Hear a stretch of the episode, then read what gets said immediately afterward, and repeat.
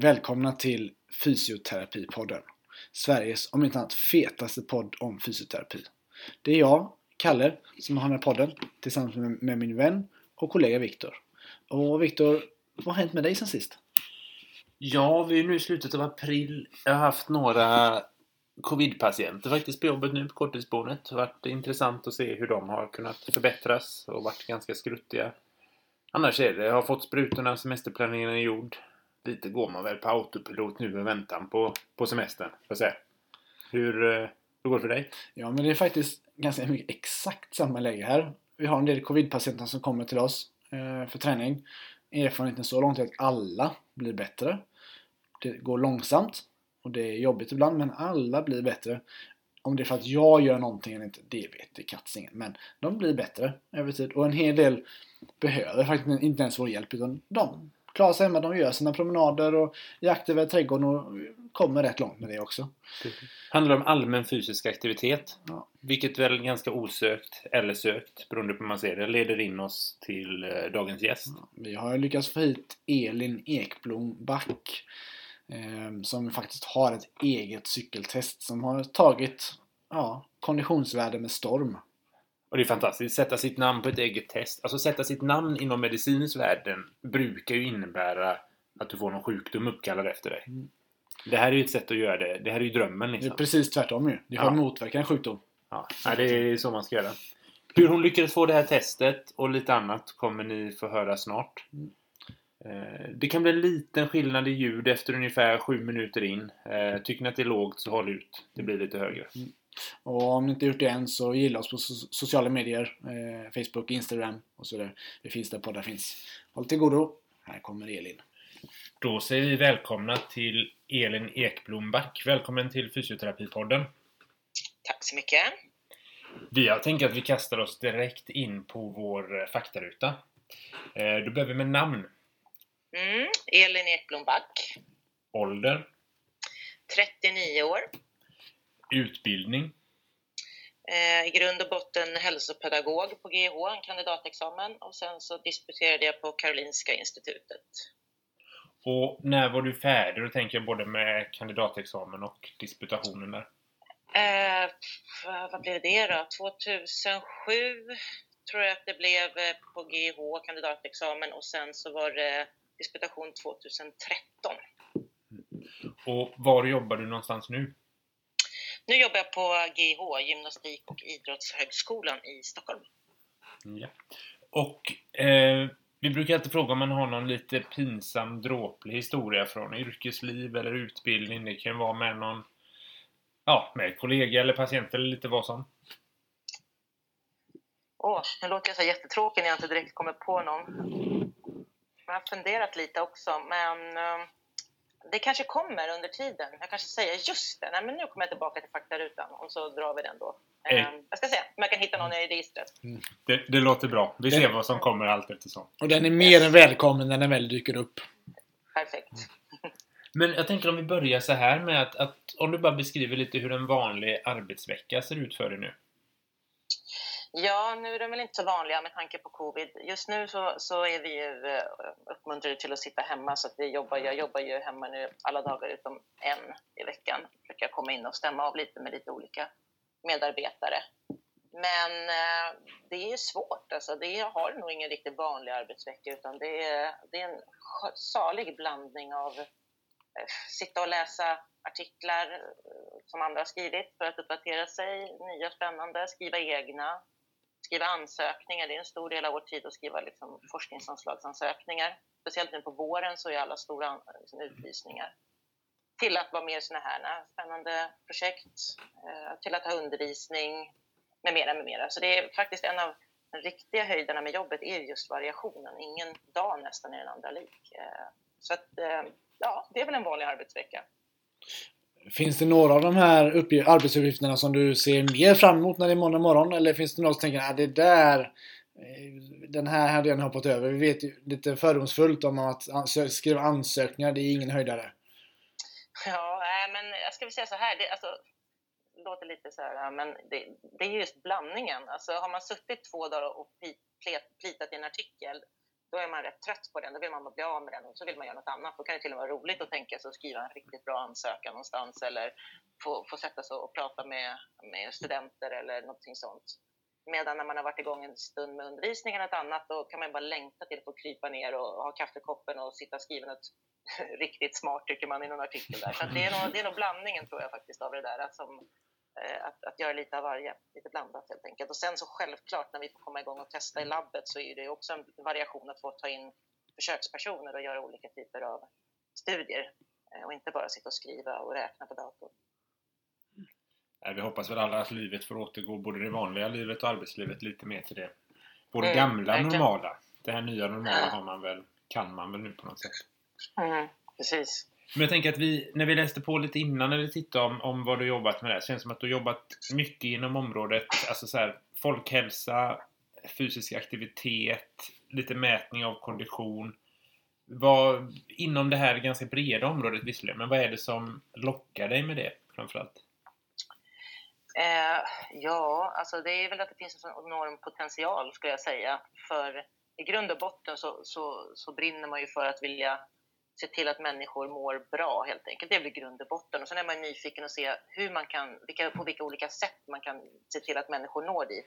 Och mitt, mitt sätt är väl att skapa kunskap då kring vilka olika delar. För det är ju inte bara det här, när jag började någon gång när jag föddes in i GIH-livet, eftersom jag gjorde det, så, så var det ju mycket fokus på träning Eh, fokus på att svettas och så. Det är fortfarande väldigt viktigt, men det har blivit mer och mer viktigt i de olika aspekterna nu med att sitta still, inte sitta still för mycket, men även vardagsaktiviteten. Eh, för vi kan, vi, vi, kan forska hur mycket som helst om att det är bra att träna, men vi kanske inte får så många att göra det. Då måste vi se, finns det några andra delar av det här med fysisk aktivitet som kan vara viktigt? Eh, och på så sätt skapa större möjligheter för folk att, att vara aktiva på något sätt, än att bara känna sig desillusionerade av att de inte är den där träningsmänniskan. Så det motiverar mig väldigt mycket nu att titta på de olika bitarna. Vad är det, vad är det liksom typ av fysisk aktivitet? Eh, hur kan man få folk att, eh, att, tycka att det är rätt trevligt att hålla på? Eh, och vad händer i kroppen? Eh, och nu framförallt det vi är mycket inne på nu, det är att kanske inte personalized medicine, men i alla fall att kunna se om vi kan liksom, individanpassa rekommendationer och liknande mera och inte bara alla ska göra samma sak. Så det är väl det där grottandet, att hitta någon form av eh, väg framåt där vi har evidensbaserad kunskap för att se till att människor eh, kan må bra. För jag tror att fysisk aktivitet är en av de absolut viktigaste delarna i vår, våra levnadsvanor eh, för att påverka risk, sjukdomsrisk och för att förbättra hälsan. Det är väl lite det vi har fastnat för också när vi har jobbat mycket med de här frågorna också med, med individuella patienter. Att det verkar inte vara träning. Som många, det, vi vet att det är bra med träning för allt och forskning om det kanske inte är eller talat inte så spännande längre för alla vet att det är bra att träna men som du säger, ingen, eller ingen fel. Ganska, en del människor tycker inte om att träna. Och hur hjälper man dem i så fall?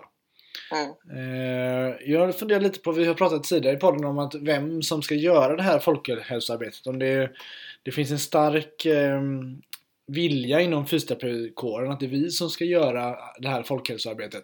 Men jag tänker, vi är 15 000 legitimerade sjukgymnaster fysioterapeuter idag och det kommer inte räcka till på långa vägar. Eh, har du några tankar om vilka, vem, vilka yrkeskategorier som skulle kunna hjälpa till och göra ett stor del av det här folkhälsoarbetet för att motivera eh, personer som till exempel inte, tycker, inte, inte tycker om att träna? Mm.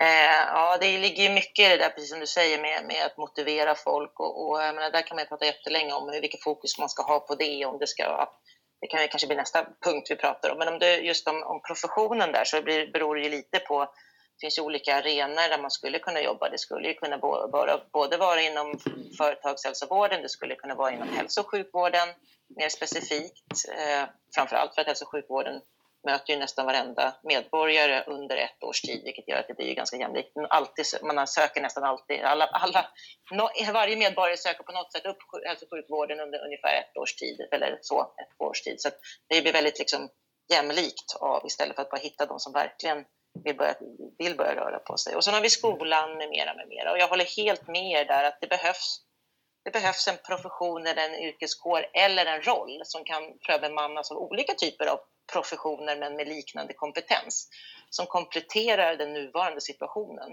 Jag brukar ta hälso och sjukvården som exempel. Den är ju inte byggd för att, att bemöta den livsstilsrelaterade ohälsa vi har idag. Men vi har ju läkare som är fantastiska på det jobbet de gör och sjuk, eh, sjuksköterskor, undersköterskor med mera som, som har ett jätteviktigt uppdrag att hjälpa folk som väl har blivit sjuka och att bota. Jobba reaktivt och, och det, det är ju upp till öronen idag. Ska vi då komma och säga att det här nej, nu ska ni prata livsstil här också, levnadsvanor och så ska ni helst ha en timmes samtal och gärna uppföljning och det låter ju jättebra.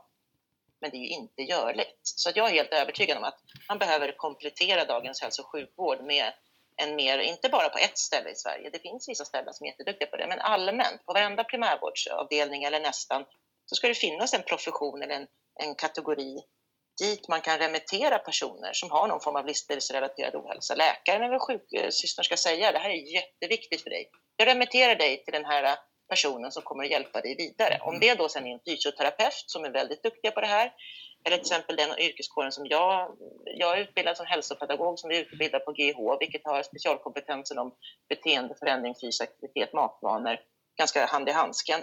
Det får man nog säga. Liksom, eh, så att, men det behöver inte vara en konkurrens om vilken profession, utan man ska ha kompetensen kring individanpassning, beteendeförändring, fysisk aktivitet och andra levnadsvanor. Och så är man liksom man är, man är hubben där. Men man kan ju träna personer, men det kanske inte är det man ska göra. Man kanske ska motivera dem till att bli egenaktiva eller ha ett nätverk. Det finns ju sådana här nätverk. i Stockholm har vi något som heter Farledarenätverket där, där det är olika aktörer i samhället som, som vet lite om det här med, med träning för, och aktivitet för personer som, som har till exempel någon form av sjukdom och liknande. De, de förstår lite kring det här Alltså när, när vi, våra hälsopedagoger som jobbar med det här, när de skickar personer dit, då är det inte som ”jaha, vem är du, vad är det här för någonting?” utan de kan någonting. Och sådana nätverk finns ju ute i samhället där man liksom kan hjälpas åt.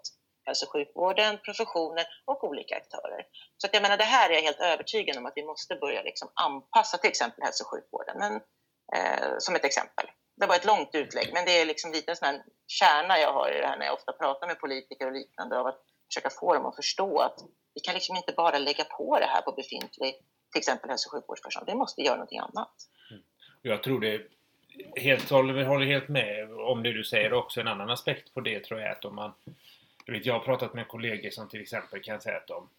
Om vi säger så här, du, du är fysioterapeut på en primärvårdsmottagning. Det kommer en patient som söker till dig för att eh, hon har fått ont i knät. Det är vad hon kommer till dig för.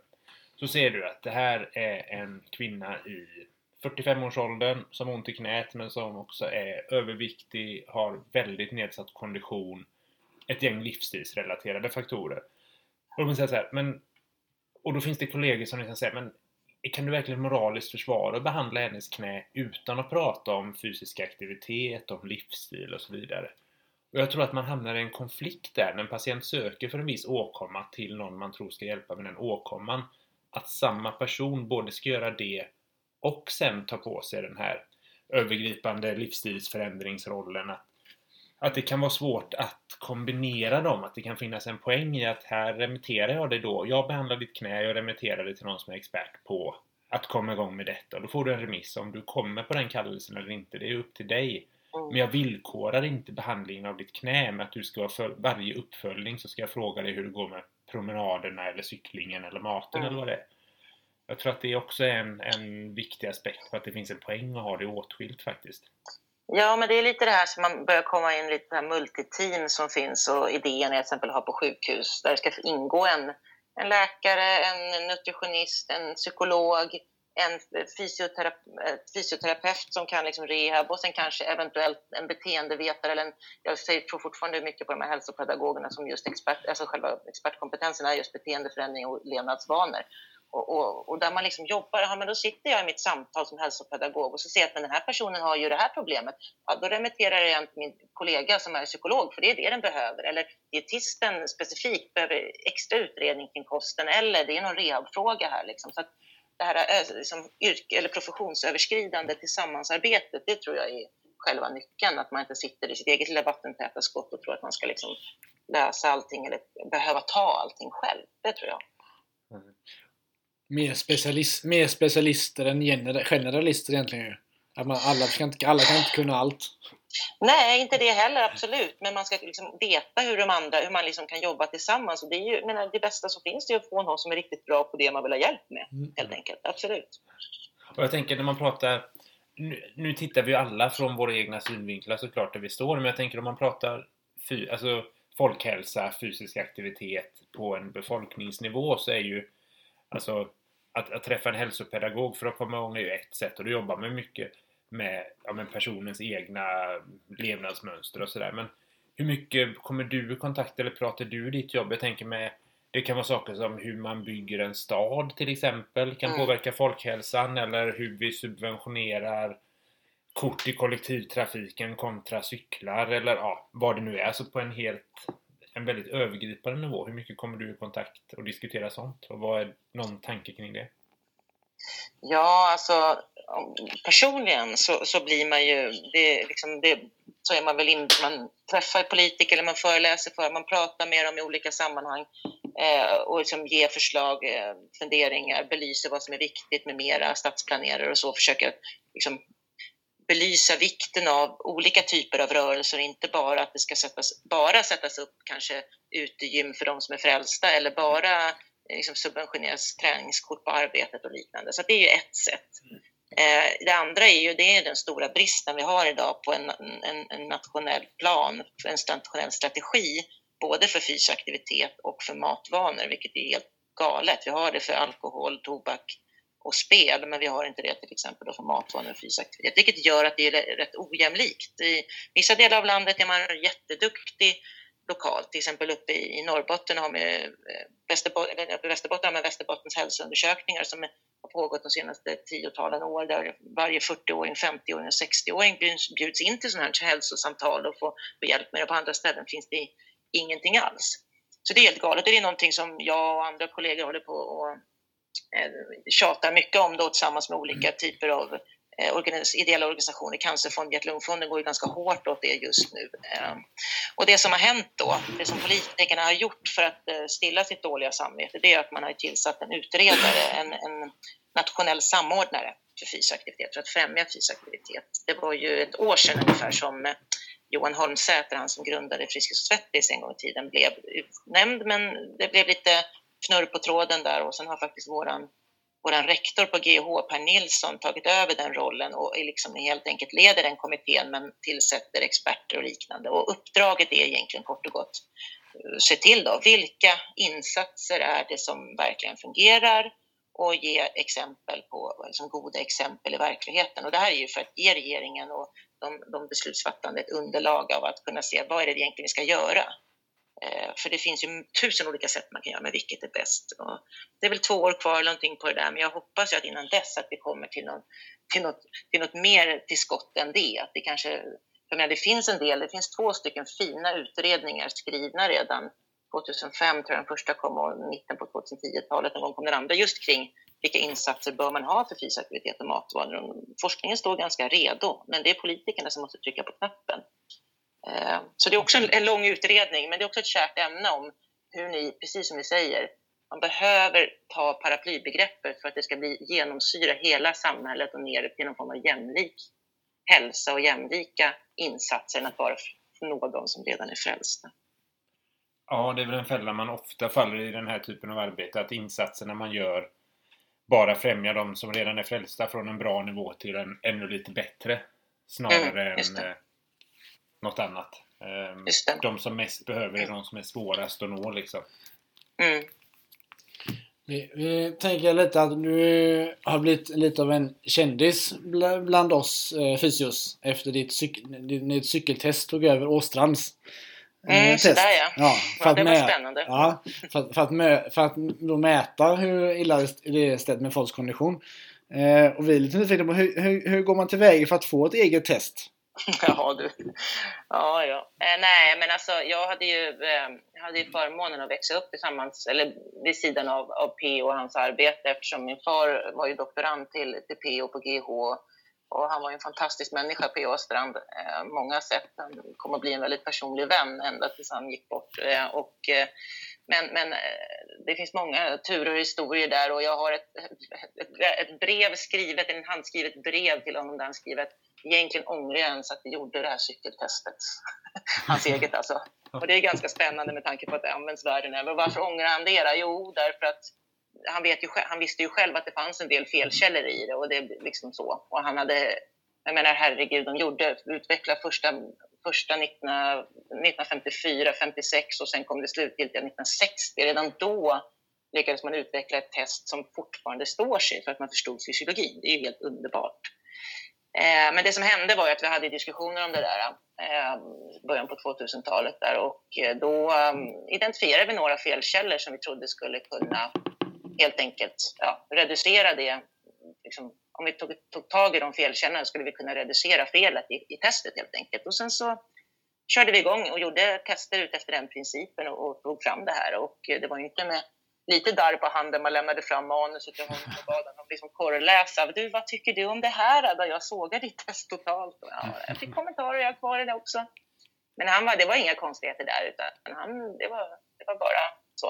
Eh, och sen namnet då, det var väl det att jag tyckte att det var mest gamla farbröder som hade namn på sina tester och jag tyckte att nej, nu jäklar, om jag, de kan så kan jag, tänkte jag. Så får jag väl stå för det resten av livet. Definitivt engagerad, absolut. Va?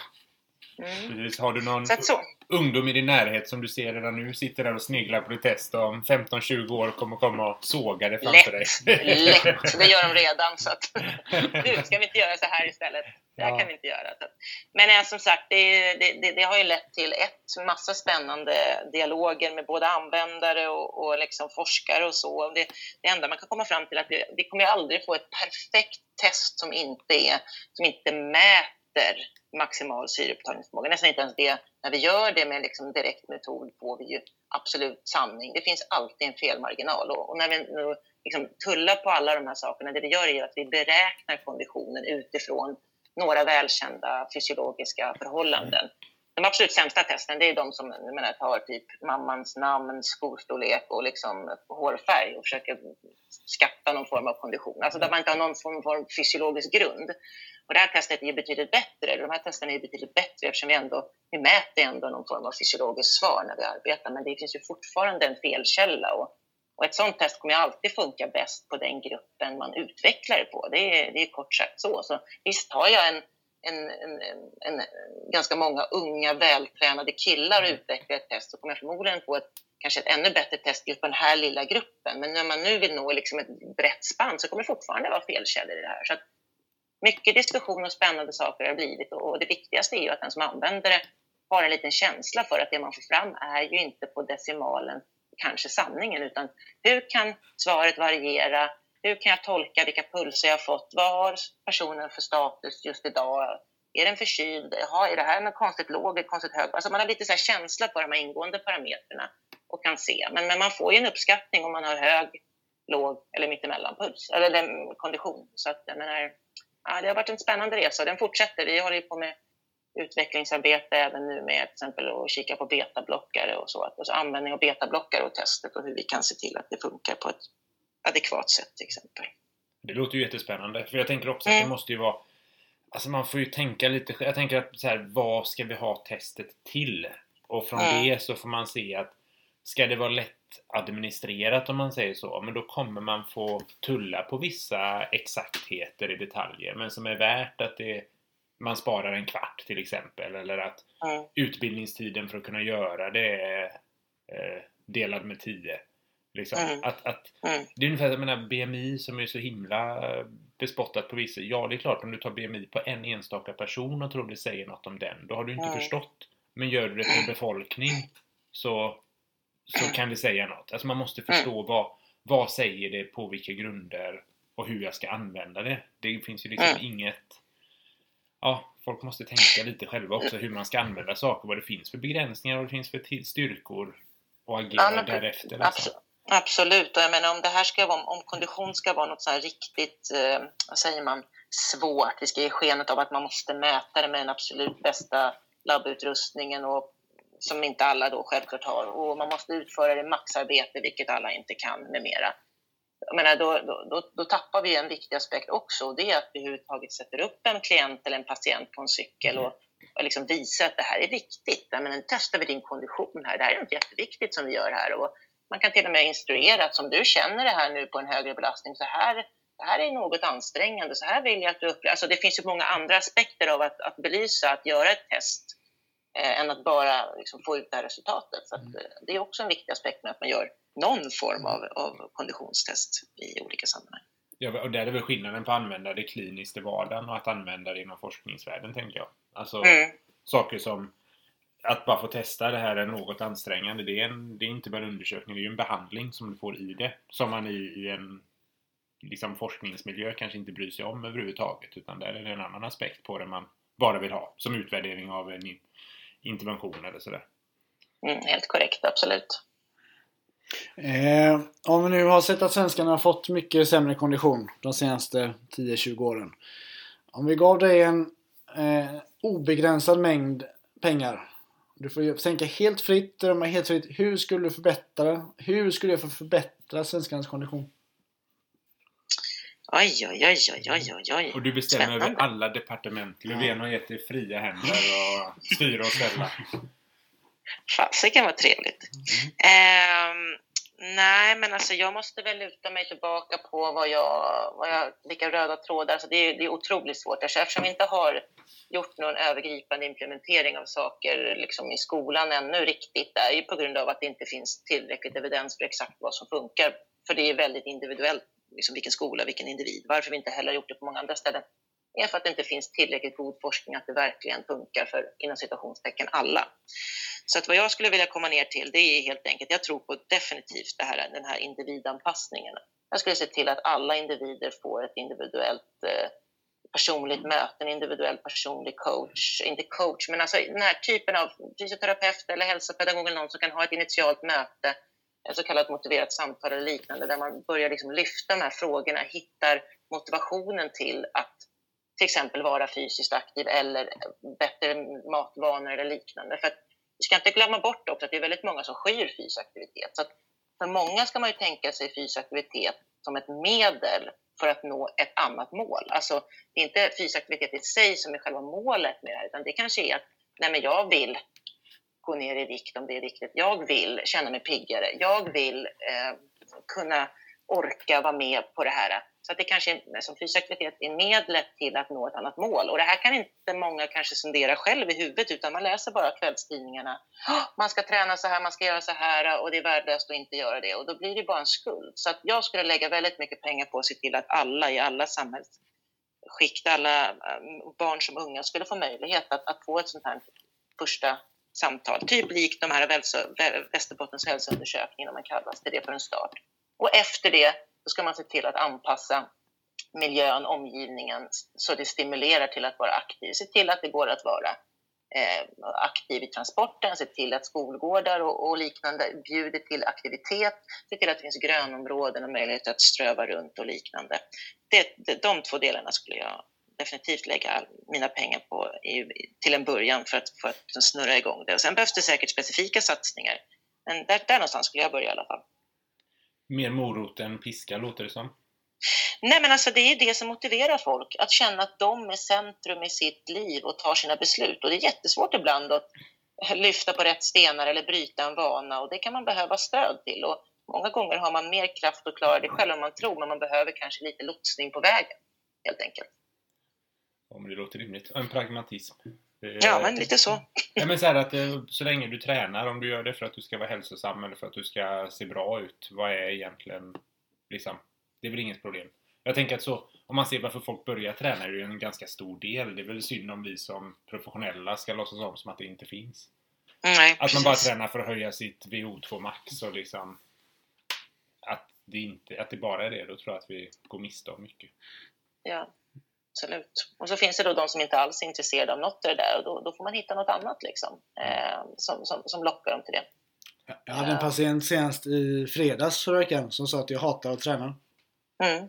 Och det, det tillstånd, tillstånd hon hade, enda som jag kan hjälpa till med som fysioterapeut, är egentligen bara att eh, träna. Mm. Så eh, det blev en avslappnad kompromiss att nej du, men om du är sugen på att träna så är du välkommen tillbaka men annars kan du inte hjälpa dig så mycket längre. Och det är båda rätt okej med faktiskt. Ja. Mm. Nej, men då, behöver, då behöver man ju liksom vända på lite stenar och se vad, liksom, vad finns det på något annat. Det, vad, vad brinner du för? Liksom, vad, vad finns där? Man kanske hittar något annat, något annat som motiverar, något annat som skrämmer dig. Eh, är du rädd för att inte uppleva dina barnbarn? Alltså, förstår jag menar, den kanske vet att den är... Alltså, det är att man försöker hitta något annat som liksom lyfter på de där stenarna för att se att det inte är träningen i sig som blir grejen, utan att man kanske kan bara gör någonting tillsammans med andra, etc. etc. Ja, ni kan ju allt det där. Men, men det där är jätteviktigt verkligen. Ja, vi måste inte alla stå där i våra tights och vara hurtiga själva. Nej, men jag tror att det finns en... Att våra patienter som inte vill träna känner sig totalt alienerade och inte kan identifiera sig med vår framtoning Mm. som fysioterapeuter i väldigt stor utsträckning tror jag. Det är också Mm. ett, eh, ett problem. Sen behöver vi kanske inte sluta träna. Nej, men det, absolut men det inte. Man, ska... man glömmer ju ofta bort de som är, är frälsta i det här och de som kanske försöker hitta motivationen till att fortsätta träna, vilket man gjorde en gång och, och, och så. Liksom. Så det får vi inte glömma. Men Mm. pratar man på folkhälsonivå så, så är det, det här, de, problem, de här problemen vi brottas med. Om man nu ska fånga alla, för det är de som behöver det mest. De som faktiskt inte gör någonting idag helt enkelt. Ja, Elin, du har något mer som du vill lägga till? Eh, till våra lyssnare? Mm, ja, den där dråpliga historien får jag nog återkomma till. Jag har inte kommit på någonting annat, men det, eh, det, blir, nog, det blir nog snart. Eh, Men nej, jag vet inte riktigt. Eh, det är väldigt mycket spännande på gång nu skulle jag säga och speciellt i de här pandemitiderna. De, de artiklar som nu har dykt upp med betydelsen av att faktiskt fysisk aktivitet är en viktig spelare. Det är såklart att det finns andra saker som är viktiga, men, men att bara säga att det skulle vara viktigt fetma eller tidigare sjuklighet eller så som skulle vara viktig, det, är- det är just otroligt centralt att, att även kika på till exempel hur fysisk aktivitet och vilken betydelse har. Det har kommit några stora fina studier och vi kikar själva nu på bland annat kondition i en jättestor kohort, eh, kondition mot allvarlig covid-19 och ser hur det samman, sammanhänger ihop med det hela och hoppas kunna publicera inom, inom kort här under våren. Så att, eh, nej, men det är spännande. Det är mycket, mycket som händer. Ja, det ser vi fram emot. Kunna få Mm. lite... Absolut. Få folk att känna lite makt över sina egna liv. Att jag kan faktiskt påverka det utan att det bara hamnar i någon sorts eh, covid-shamear ur de som inte har tränat nu. Utan att det faktiskt vänder på det och ser det från att vi Mm. kan Ja, men- påverka våra förutsättningar för hälsa framöver. Ja, men precis, för det är också väldigt viktigt att säga. Liksom, många gånger så kan det, har man faktiskt kliniker på sig som säger, men vadå, ni utlovar guld och gröna skogar, ett på ett samband. Om jag rör på mig så kommer jag leva jättelänge och aldrig bli sjuk. Nej, inte det vi pratar om. Vi pratar om att ge dig möjligheten till att leva ett friskt och hälsosamt liv relativt länge om du gör det här. Du ökar dina chanser till det. Sen finns det många andra saker som, som också spelar in självklart, både genetik och andra oförutsägbara. Jag menar att, att, att ändå ge sig chansen till att leva ett framförallt ett hälsosamt liv de åren man lever. Det, det är det vi, vi, vi, ni allihopa som, som brinner för det här vill att, att, det, att det ska vara. enkelt. Så är det verkligen. Vi Mm. tackar dig så jättemycket för att du var med i Fysioterapipodden. Vi hoppas att eh, det här samtalet har gett lite nya idéer till våra lyssnare och lite Och, Mm. att, och att du återkommer med en dråplig historia så postar vi det på sociala medier Ja, till lyssnarna. Absolut, jag ska tänka hårt. Jag ska tänka hårt nu. Tack så mycket för inbjudan. tack själv. Hej då Elin! Hej, hej. Där tackar vi Elin Ekblom Back för denna eh, samtal. Eh, som vanligt innan vi ska ta hissen ner här från fjärde våningen så eh, säger vi följ oss på sociala medier. Eh, Likea, kommentera, tipsa era fysioterapivänner. Något som jag kallar försöker att skamlöst göra varje chans vi får. Så hörs vi väl om en månad igen kanske. Det tror jag nog va? Hörs vi då. Tills dess, ha det så gott! Hej då!